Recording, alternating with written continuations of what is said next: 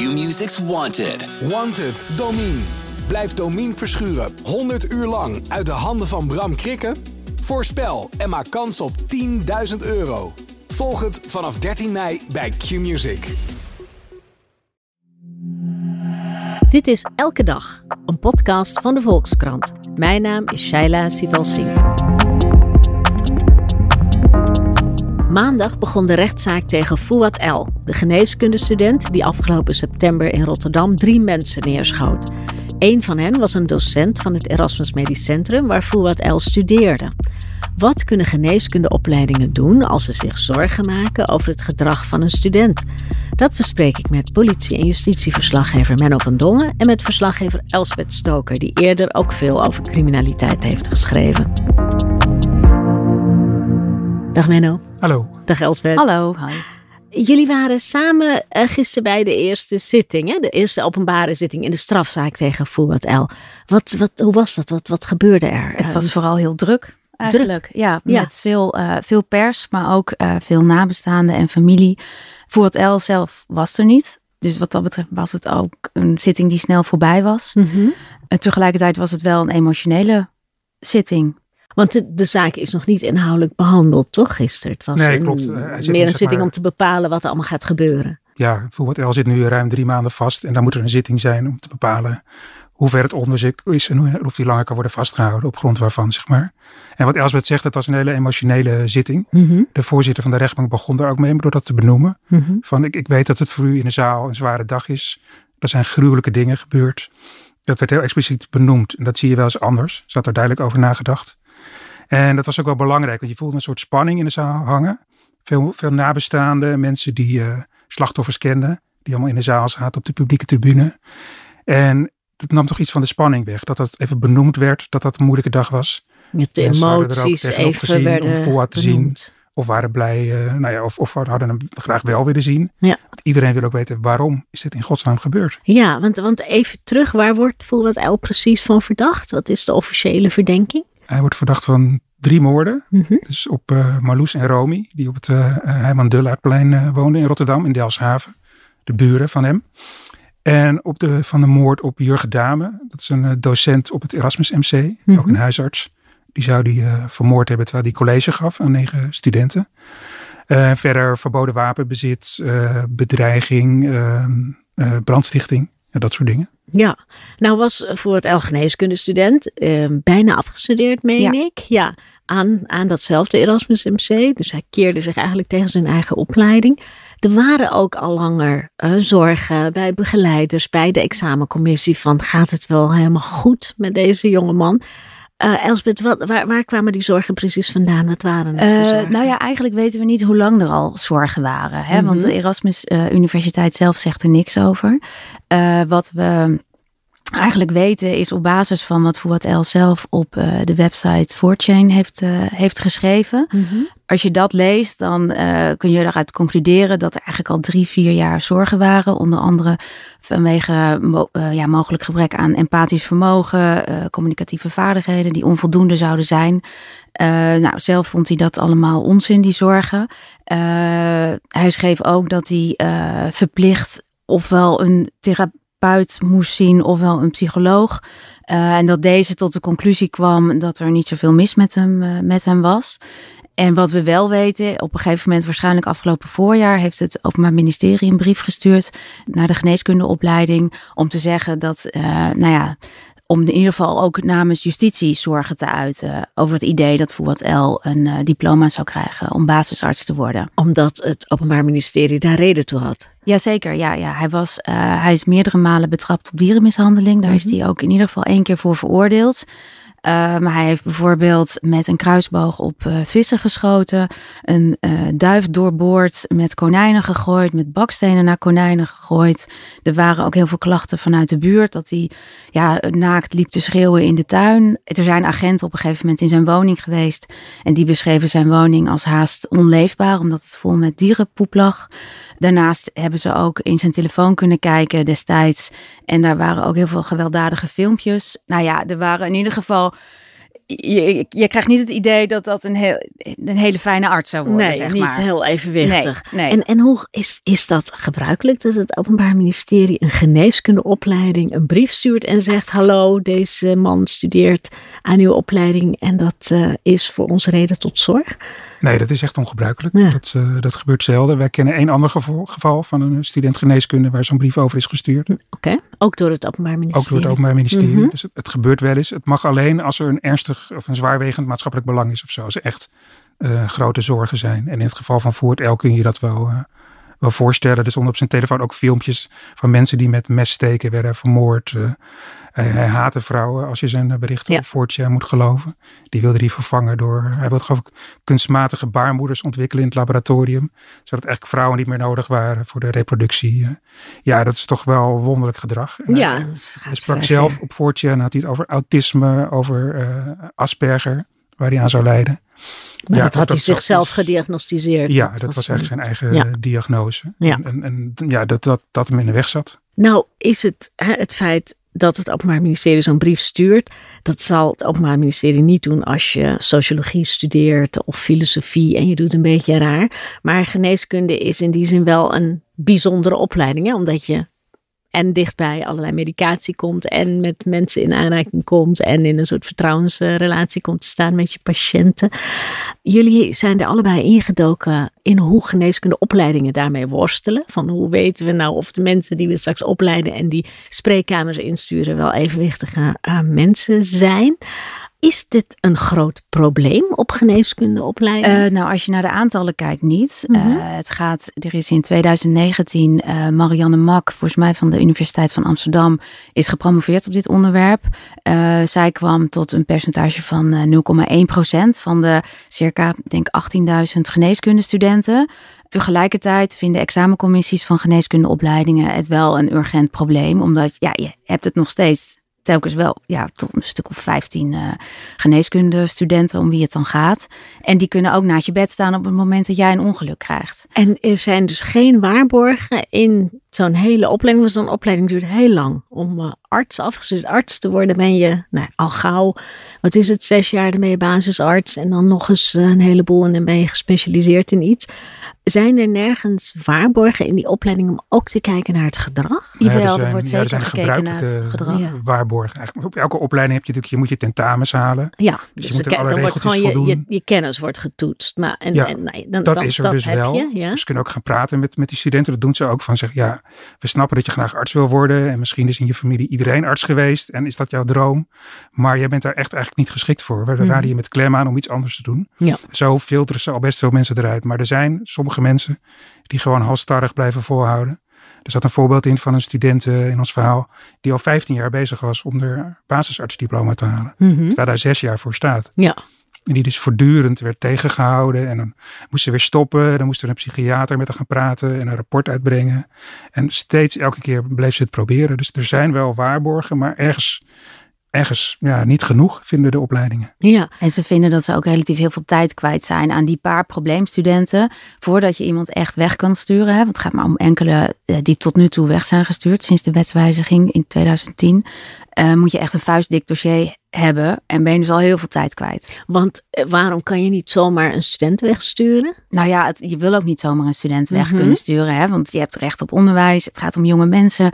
Ze kunnen zich nog ontwikkelen. Je wil niet zomaar iemand afschrijven of zomaar iemands droom ontnemen. Dus je moet ook echt wel eh, van goede huizen komen met een goed onderbouwd verhaal. Om echt definitief te zeggen van ja, dit moet je niet doen. En om wat voor type gedrag gaat het dan? Als je zegt gedrag waar je zorgen over maakt, wat is dat dan? Wat moeten we ons daarbij Eh, voorstellen? nou, je kunt denken aan seksueel overschrijdend gedrag. Er is één zaak waarbij een jongen dreigde weinig verhullende selfies van, eh, van zijn ex-vriendin op te hangen in het ziekenhuis. Dat was een verpleegkundige die daar werkte. In het ziekenhuis ook? Ja. Oké. Er is een voorbeeld van iemand die, ehm, ja, die patiënten in gevaar bracht omdat ze keer op keer niet luisteren naar haar begeleiders.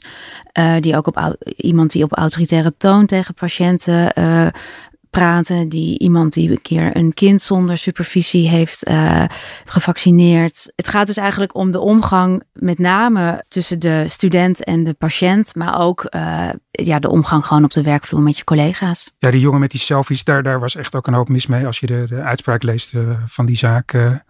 Um, hij is ook uh, bij een andere ex-vriendin op de werk op bezoek gegaan en pas uh, vertrok uiteindelijk toen de politie erbij kwam. Is hij weggestuurd van de opleiding uiteindelijk? Ja, die is uiteindelijk weggestuurd van de opleiding. en als je dat ook, ook zo, die, opspraak, die uitspraak zo leest, dan is het ook eigenlijk wel terecht. Ja, het is zo'n opeenstapeling van dingen die, die misgaan. En zo zijn er wel meer voorbeelden. Er is een, een, een andere student weggestuurd omdat hij buiten werktijd om contact opnam met een 15-jarige patiënte en haar moeder. En daarna seksueel getinte opmerkingen maakte. Naar de 15-jarige en de moeder. En de moeder, naar allebei. Oké, okay, ja, dat lijkt me inderdaad wel problematisch gedrag. Ja, dat kun je wel objectiveren, denk ik, dit soort, ja, uh, precies. dit soort gedrag. Ja. Want als je die vier uitspraken leest, dat het uiteindelijk gebeurd is, dat mensen echt zijn weggestuurd. Dat, is echt, dat zijn allemaal opeenstapelingen van, van gedrag. Dat je denkt, mijn god, wat dat gebeurt het wel er echt evident is. Dat het helemaal niet zo heel ingewikkeld is om te denken, ja, deze hadden we echt wel weggemoeten. Kijk, een deel van dat gedrag, dat gaat echt om mensen die met patiënten werken. En hè, iemand die zonder toestemming een, een kind vaccineert, noemde jij als voorbeeld, uh. Maar kan zo'n geneesopleiding ook problemen meewegen? Kan dat, mag dat die in de privésfeer uh, spelen? Iemand die thuis problemen heeft. Of thuis bijvoorbeeld um, zijn vriendin mishandelt, maar op het werk niet. Uh, of zich op het werk netjes gedraagt. Is dat is dat mee te wegen? Kan dat? Mag dat? In beginsel doen ze dat niet. Uh, er is ook wel wat discussie over uh, in, in, in de sector, voor zover wij dat kunnen overzien. Maar er zijn mensen die zeggen, ja, wat privé is, is privé. En als opleiding weet je dat vaak ook helemaal niet. Hè? Ik bedoel, je, je, je krijgt iemand op een, op een werkcollege, op, uh, je hebt ook wel praktijkvakken bij geneeskunde. Ja. Als daar dingen gebeuren, dan, dan kun je daar iets mee. Maar wat iemand thuis doet, in principe weten ze dat helemaal niet. Dus kunnen ze er ook niks mee. Nee in theorie, er zijn wel handvatten om er wel iets mee te doen. Ik weet dat in tuchtzaken gebeurt het ook soms. Dat als iemand echt iets privé doet wat heel erg over de schreef gaat. En je dat op een of andere manier te horen krijgt als opleiding. Kan dat soms wel tot iets leiden, maar het ligt lastig. Ja, want om even terug te gaan naar Fouad El. Zijn er met hem gesprekken geweest van joh, zou je wel dokter willen worden? Is dit eigenlijk wel een goed idee? Dat weten we niet, want het Erasmus Medisch Centrum uh, zegt er niks over. Kijk, als je die berichten van hem uh, leest, dan heb je het vermoeden van wel. Mm -hmm. En we weten dat er na aanleiding van de brief van het OM wel gezegd is, als jij je diploma wil, moet je je nog wel laten onderzoeken door een psycholoog. Mm -hmm. Dus zeer waarschijnlijk wel, ja. Ja, Alleen weten we niet wat de aard van die gesprekken is geweest. En we weten ook niet op welk moment dat allemaal heeft plaatsgevonden. Nee. Ja. Nou, uh, hebben jullie dus uh, gekeken naar wat toen geneeskundeopleidingen wel. Nou, je hebt deze, uh, dit voorbeeld van die dame die al 15 jaar probeert om basisarts te worden en telkens weer terugkeert. Hebben geneeskundeopleidingen het idee dat ze voldoende instrumenten hebben om op een gegeven moment te zeggen: nee, mevrouw, u mag gewoon niet meer terugkomen? Nee, ze vinden eigenlijk van niet. Ze hebben hm. ook al eerder aan de bel getrokken in Den Haag. En dan zeggen de ministers iets als van ja, het is voor zeer uitzonderlijke omstandigheden. Als je echt een juridische procedure wil gaan, gaan voeren, want dat gebeurt soms. Uh, en wat je daarbij nodig hebt bij zo'n procedure is ook gewoon concreet bewijs. Mm -hmm. Dan moet je dus gaan aantonen dat iemand patiënten in gevaar brengt. Daar komt het eigenlijk in de praktijk op neer. Ja. Maar wat dan gebeurt, die, doc die docenten, die begeleiders, die kennen ze iemand al langer, zo'n student. Die denken, ja, dat is een beetje een rare, die moeten we in de gaten houden. Dus die laten ze niet zo snel alleen met patiënten. Mm -hmm. En omdat ze dat niet doen, hebben ze dus onvoldoende bewijs dat het echt misgaat. Ze grijpen eigenlijk in die zin te vroeg in om patiënten te beschermen. Dat is op zich heel goed, maar ja, wel dat lastig. is ook wel een dilemma. Je kan ook niet zeggen, kom we laten er even alleen met deze kwetsbare patiënt. En we gaan van een afstandje kijken of ze iets raars wat uithaalt. Ze, wat ze dus eigenlijk willen is dat de regels aangepast worden. Waardoor je eigenlijk uh, ook studenten waarvan heel veel begeleiders zeggen van die kunnen we onder eigenlijk geen beding alleen laten met een patiënt. Mhm. Mm -hmm. Dat je ook die studenten al weg kan sturen. Ja, maar dan moet je een goede procedure hebben om dat te kunnen vaststellen. Ja, zeker. Wat ook gebeurt, dat bleek ook uit dat promotieonderzoek van uh, Marianne Mak, is dat sommige begeleiders tijdens een kooschap ook gewoon niet de tijd hebben om schriftelijk uh, een beoordeling te geven. En dat het ook vaak mondeling gebeurt. En dat uh, op het moment dat je dan een negatieve beoordeling geeft, ja, dat, daar komt, dat moet je dan al wel schriftelijk doen en goed onderbouwen. Dus daar komt een enorme papierwinkel bij kijken. Daar heeft ook niet iedereen tijd dan wel zin in. Dat is ook nog wel eens een probleem in de Ja, praktijk. En je moet studenten natuurlijk ook beschermen tegen willekeur. Ik bedoel, als jouw begeleider toevallig om wat voor onafvolgbare reden dan ook een hekel heeft aan jou. Zeker, ja. En Zeker. dan op basis daarvan een negatieve beoordeling geeft, is het misschien wel helemaal onterecht. Ja, zo Ja. het voor het Elwet ook een beetje. Als je zijn berichten op 4chan zo leest, dat er gewoon iemand een hekel aan hem had. Dat hij een keer een college inliep en een beetje zich arrogant gedroeg. eh, en dat het daar eigenlijk allemaal eh, begonnen is. Hij ziet het als een soort persoonlijke campagne. Het ligt niet erg voor de hand, maar ja, zo kijkt Ja, hij ernaar. dus je moet, hij dat ervaren. je moet naar regels die redelijk objectiveerbaar zijn. Een proces wat, wat redelijk transparant en objectiveerbaar is. En waar je wel op tijd kan ingrijpen voordat iemand alleen wordt gelaten met een kwetsbare patiënt. ja. Dat lijkt me super ingewikkeld. Hoe ver zijn ze daarmee, Menno? ja, er zijn nog, nog heel veel stappen te zetten. De cultuur zou ook kunnen veranderen. Mhm. Eh, we hebben het over geneeskundeopleidingen. Daar, Hm. daar werken natuurlijk dokters, mensen die mensen willen helpen. En die hebben dan de neiging om zo'n student ook te willen helpen. Die, eh, die lastig is, die problemen heeft. Dus ze zullen hem niet zo snel een onvoldoende geven. Ze zoeken een beetje naar, naar verbeterpunten. Ze zijn er lang mee bezig. Dus dat is ook iets wat, eh, wat zou kunnen veranderen, zeg maar. De, de cultuur daar. En dan bedoel je dat, je dat ze wat strenger moeten worden? Of wat eerder moeten zeggen, nee, dit... eh, Nou, dat ze wat strenger moeten worden, inderdaad. Ja. ja. Angst kan ook een beetje meespelen, want je, het is nogal wat. We, we, we spraken ook met André Bremers, die is van het Radboud UMC. Die vertelde ook dat hij zo'n student eh, eh, ja, moest vertellen dat hij een onvoldoende kreeg voor zijn professionele gedrag in een bepaald eh, praktisch vak. mhm. En dat hij daar een heel slecht gevoel bij had. Dat hij dacht, er moet iemand bij zijn. eh, Omdat hij een beetje bang was voor de reactie van die student? precies. En die jongen wilde ook niet weggaan naderhand. Die, die eiste een voldoende en wilde ook pas weggaan toen hij uiteindelijk een 6 had gekregen. Maar dat is eigenlijk heel kwalijk. Want dan laat je gijzelen door een student, omdat je mogelijk bang bent voor wat een agressieve reactie. Is het toch ook wel heel raar als je zo iemand dan vervolgens een zaal met allemaal zieken opstuurt. Eh, ja, nou in dit geval eh, bleef die jongen een onvoldoende houden, omdat hij eh, voor dat vak had hij een theoretisch deel en dus een gedragsdeel waar hij Mhm. op beoordeeld werd. En het theoretisch deel had hij al een onvoldoende en dat telde voor twee derde mee. Dus als je voor dat gedrag een 6 gaf, had hij onder de eindstreep nog steeds een onvoldoende, moest hij nog steeds herkansen. Oké, dus in Maar dit goed. geval kon het. Maar het Nou ja, een het- beetje ja. raar. Ja. Het verdient niet de schoonheidsprijs Nee, misschien. precies. Nou, en je zei net, Elspeth, het gaat om niet zo heel veel studenten. Hè? Ik geloof dat je getal van 15 noemde. Ja, dat is een, een soort van schatting. Hè? Dat, eh, schatting. 0,1 procent van die Precies. 18.000 ongeveer. En worden die ook daadwerkelijk weggestuurd ergens tijdens het proces? Of studeren die wel af en zijn er vervolgens zorgen over? Nou ja, we weten dat er volgens mij vier of vijf mensen nu daadwerkelijk zijn weggestuurd. Mhm. Of vier, eh zegt men nou. En bij andere gevallen, ja, dat er het, bij het AMC hebben ze een keer gezegd dat er nog tien langlopende ingewikkelde dossiers zijn. Mhm. Dus het kan zijn dat ze nog met andere gevallen bezig zijn om, om ze weg te sturen. Ja, het kan ook zijn dat sommige mensen uiteindelijk toch wordt overtuigd om weg te gaan zelf. Ja, en misschien dat een enkeling wel gewoon afstudeert. Ja, maar dat weten we dan Dat weten we niet. Zeker. En zijn er nog verschillen in geneeskundeopleidingen in hoe ze hiermee omgaan en in de instrumenten die ze hebben en de momenten waarop ze eventueel ingrijpen? Wat je in Nijmegen hebt, is dat eh, groepen studenten zijn nou ja, ingedeeld. Je bent ingedeeld in je eigen groep. En als een soort trein doorloop je met die groep eh, je opleiding. Op het moment dat iemand bijvoorbeeld één vak niet haalt, dan kan je niet zomaar aansluiten bij een andere groep. Ja, dan Dus dan stap je moet dus uit die trein. Je stapt uit die trein en dan moet er een komt nieuwe. geen nieuwe trein langs. Of, of die nou ja, komt er wel moet langs, wel maar een nieuwe vol. trein klaargezet worden, eigenlijk. Ja. Alleen voor jou, zodat jij dat als traject alsnog kan afronden. En zij zeggen in Nijmegen eigenlijk van nou als je twee keer eh, uitgevallen bent, dan stopt het. Omdat het organisatorisch te lastig is om een derde keer een trein neer te zetten. Tenzij je hele goede redenen hebt. Bijvoorbeeld als je ja, een persoonlijk drama hebt meegemaakt in die periode. Waardoor jij door omstandigheden Ja. dat kooschap niet goed hebt gedaan. Nou, dan willen ze een uitzondering maken. Maar dan moeten ze wel echt geloven dat jij de derde keer wel goed doet. Ja. Dus daar hebben ze meer mogelijkheden om mensen eigenlijk tijdens de rit tegen te houden.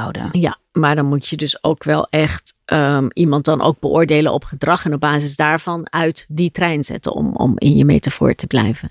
Eh, ja, maar mensen worden ook wel tijdens het kooschap ook beoordeeld op gedrag. Ja, en Ja. op basis daarvan Ja. kun je er dus Ja. uitgezet eh, worden tijdelijk. En dan moet je het opnieuw doen. Ja. En is er vanuit uh, de politiek het idee, we moeten opleidingen meer handvatten geven om hiermee om te gaan? Of zeggen ze, joh, zoek het per opleiding lekker zelf uit? Nou ja, tot nu toe hebben ze gezegd, de, er zijn regels die zijn voor zeer uitzonderlijke omstandigheden. Want ja, je hebt, allemaal, je hebt recht op onderwijs. Om jonge mensen die hun droom willen waarmaken. Maar er zijn wel gesprekken gaande nu tussen de, de geneeskundefaculteiten en, uh, en het ministerie. Mhm. Dus het zou kunnen dat er iets gaat veranderen. Wat bijvoorbeeld kan veranderen is uh, dat, er, dat er sneller een VOG uh, verplicht wordt gesteld voor studenten. Oké, okay, een verklaring omtrent het gedrag. Ja. Wat vroeger zeg maar, ja, strafblad gewoon zeg maar simpel gezegd. En dan ja. in hoeverre dat relevant is voor een geneeskundeopleiding. Dat je, dat je pas toegelaten wordt als je zoiets kan overleggen. Ja, en geneeskundefaculteiten willen dat niet meteen aan het begin doen. Mm -hmm. Ook omdat mensen dan nog heel jong zijn. Ja, dan heb je waarschijnlijk een blanco strafblad. Sowieso, als je, dan ben je 17 of 18. Ja. ja, maar het idee is dan om dat dan te doen bijvoorbeeld als de kooschappen beginnen. Dat is dan in het derde of het vierde studiejaar. En in de praktijk zijn er al wel verpleeghuizen of ziekenhuizen die willen dat iemand een VOG uh, heeft. Voordat hij daar aan de slag gaat in de zorg. Want ja, je werkt toch met kwetsbare patiënten. Dus. Ja. Ja, dus dat zou, zou iets kunnen zijn. Zou dat in het geval van Fouad L hebben geholpen? Want hij had, hij had geen strafblad. Hè? Want Jawel, OM had een, wel een veroordeling voor dierenmishandeling. Oké. ja, of ja. dat zou hebben geholpen, dat weet ik niet. Ik weet niet in hoeverre dierenmishandeling als relevant wordt, uh, wordt beschouwd. Het enige wat ik weet is, je hebt bij, bij de VOG-beoordelingen, die vraag je aan bij de overheid. Mm -hmm. Je hebt allerlei soorten verschillende VOG-beoordelingen. Als iemand uh, monteur wil worden in een garage, dan, dan ligt de lat vrij uh, laag, zeg maar. Okay. Dan, dan zijn ze niet zo streng. Maar als iemand in de zorg wil werken, dat is de strengste categorie. En ik kan me voorstellen, als je bent veroordeeld voor dierenmishandeling. En als dan ook nog zo'n brief ligt, ik weet niet hoe dat werkt, maar ik kan me voorstellen dat voor het L dan geen arts had kunnen worden. Maar... Ja, dat zegt natuurlijk wel iets over je empathisch vermogen en je gedrag ten opzichte van iemand die kwetsbaar is. Hè? Dat uh, lijkt mij, maar goed, dat zeg ik geheel van de koude grond. Maar dat, dat zou, ik kan me voorstellen dat een criterium zou kunnen zijn. Ja. Dus er zijn nu wel gesprekken gaande. Want wat, wat zouden universiteiten willen van de politiek? Dat er gewoon wat duidelijkere regels komen die ze algemeen kunnen toepassen. nou, ze willen dat de lat wat lager komt te liggen eigenlijk. Dus mm -hmm. zij willen, nu is het eigenlijk, als je het heel simpel zegt, kunnen ze studenten uh, wegsturen op het moment dat zij een patiënt in acuut gevaar brengen. Mm -hmm. En waar ze naartoe willen is dat ze studenten kunnen wegsturen die natuurlijk keer op keer hebben laten zien dat je ze eigenlijk niet alleen kunt laten met een patiënt. En nog even helemaal terug naar Fouad L. Uh, hoe gaat dat nu verder? Het is een strafzaak, omdat hij dus die drie mensen uh, zou hebben uh, doodgeschoten of daarvan wordt verdacht. Heeft het ook nog gevolgen voor het Erasmus Medisch Centrum zelf of voor de geneeskundeopleiding zelf? Dat zij bijvoorbeeld eerder zouden moeten hebben ingegrepen of iets zouden moeten hebben gedaan? Gaat dat ook nog allemaal ter sprake komen in de strafzaak? Ik denk niet dat dat in de strafzaak ter sprake komt. Het kan natuurlijk zijn dat dat op een gegeven moment dat er informatie naar boven komt waaruit dat zou kunnen blijken. Dat weten we natuurlijk nog niet. Ja. Als het goed is, uh, wordt er ook een tijdlijn gemaakt van uh, alle gebeurtenissen en van alle instanties die betrokken waren bij Fouad L. Die wordt door de uh, gemeente verstrekt aan de gemeenteraad. Maar wanneer de Rotterdamse gemeenteraad dat krijgt, is nog onduidelijk. Helaas. Dus, maar dat kan nog wel een onderwerp worden van wie, welke instanties waren er betrokken bij Fouad L. Had er niet eerder ingegrepen kunnen worden? Ja, hij zou bijvoorbeeld uit zijn woning gezet worden. De woningbouwvereniging was er ook mee bezig. Naar aanleiding van allerlei klachten uit de buurt. Ja. Over die woning die dus vol lag met dierenpoep. En dat uh, volgens getuigen psychotische gedrag van die Voort L. Uh. En hij had ook een huurachterstand ja. van 3000 euro. Dus, dus er, er, er loopt nog van alles. Maar tot nu toe zeggen alle partijen eigenlijk geen commentaar. In afwachting van de strafzaak. Het, ja. het ligt natuurlijk hypergevoelig. Ja. Dus dat krijgt vast nog allerlei staartjes. Maar daarvoor is het nog te vroeg. Uh, en hoe lang gaat die zaak lopen, deze strafzaak? Uh, nou, 11 april is de volgende voorbereidende zitting. Kijk, gisteren zei het OM dat voor het L die avond van zijn arrestatie heeft hij bekend. Uh, maar daarna heeft hij gezwegen. Dus er zijn nog gewoon heel veel openstaande vragen. Zo vindt het OM het nog onduidelijk wat nou precies het motief was om deze drie mensen dood te schieten. Dus daar zijn ze nog nader onderzoek naar aan het doen. Voor het L gaat per februari naar het Pieter Baan Centrum. Waar dus forensisch psychologen en psychiaters hem gaan onderzoeken. En kijken in hoeverre hij uh, ja, met een stoornis kampt. Dus dan 11 april wordt, uh, wordt gekeken, ja, wat is nou de stand van zaken van het onderzoek? En dan uh, ja, gaan we weer verder. Maar of dat dan betekent dat de zitting nog dit, de inhoudelijke behandeling nog dit jaar gaat zijn of volgend jaar, dat weet ik nog niet. Dank jullie wel. Dankjewel Menno, dankjewel Elspeth. En u luisteraar, dank voor het luisteren naar de Volkskrant elke dag weer. Deze aflevering werd gemaakt door Lotte Grimbergen, Rinky Bartels, Julia van Alem en Corine van Duin. En wilt u de Volkskrant steunen? Dat kan. Neem dan een abonnement. Dat kan nu voordelig via volkskrant.nl/slash podcastactie. Want deze podcast is gratis, maar onze journalistiek is dat niet. Morgen zijn we er weer. Tot dan. Q-Music's Wanted. Wanted, Domine. Blijf Domine verschuren 100 uur lang uit de handen van Bram Krikken? Voorspel en maak kans op 10.000 euro. Volg het vanaf 13 mei bij Q-Music.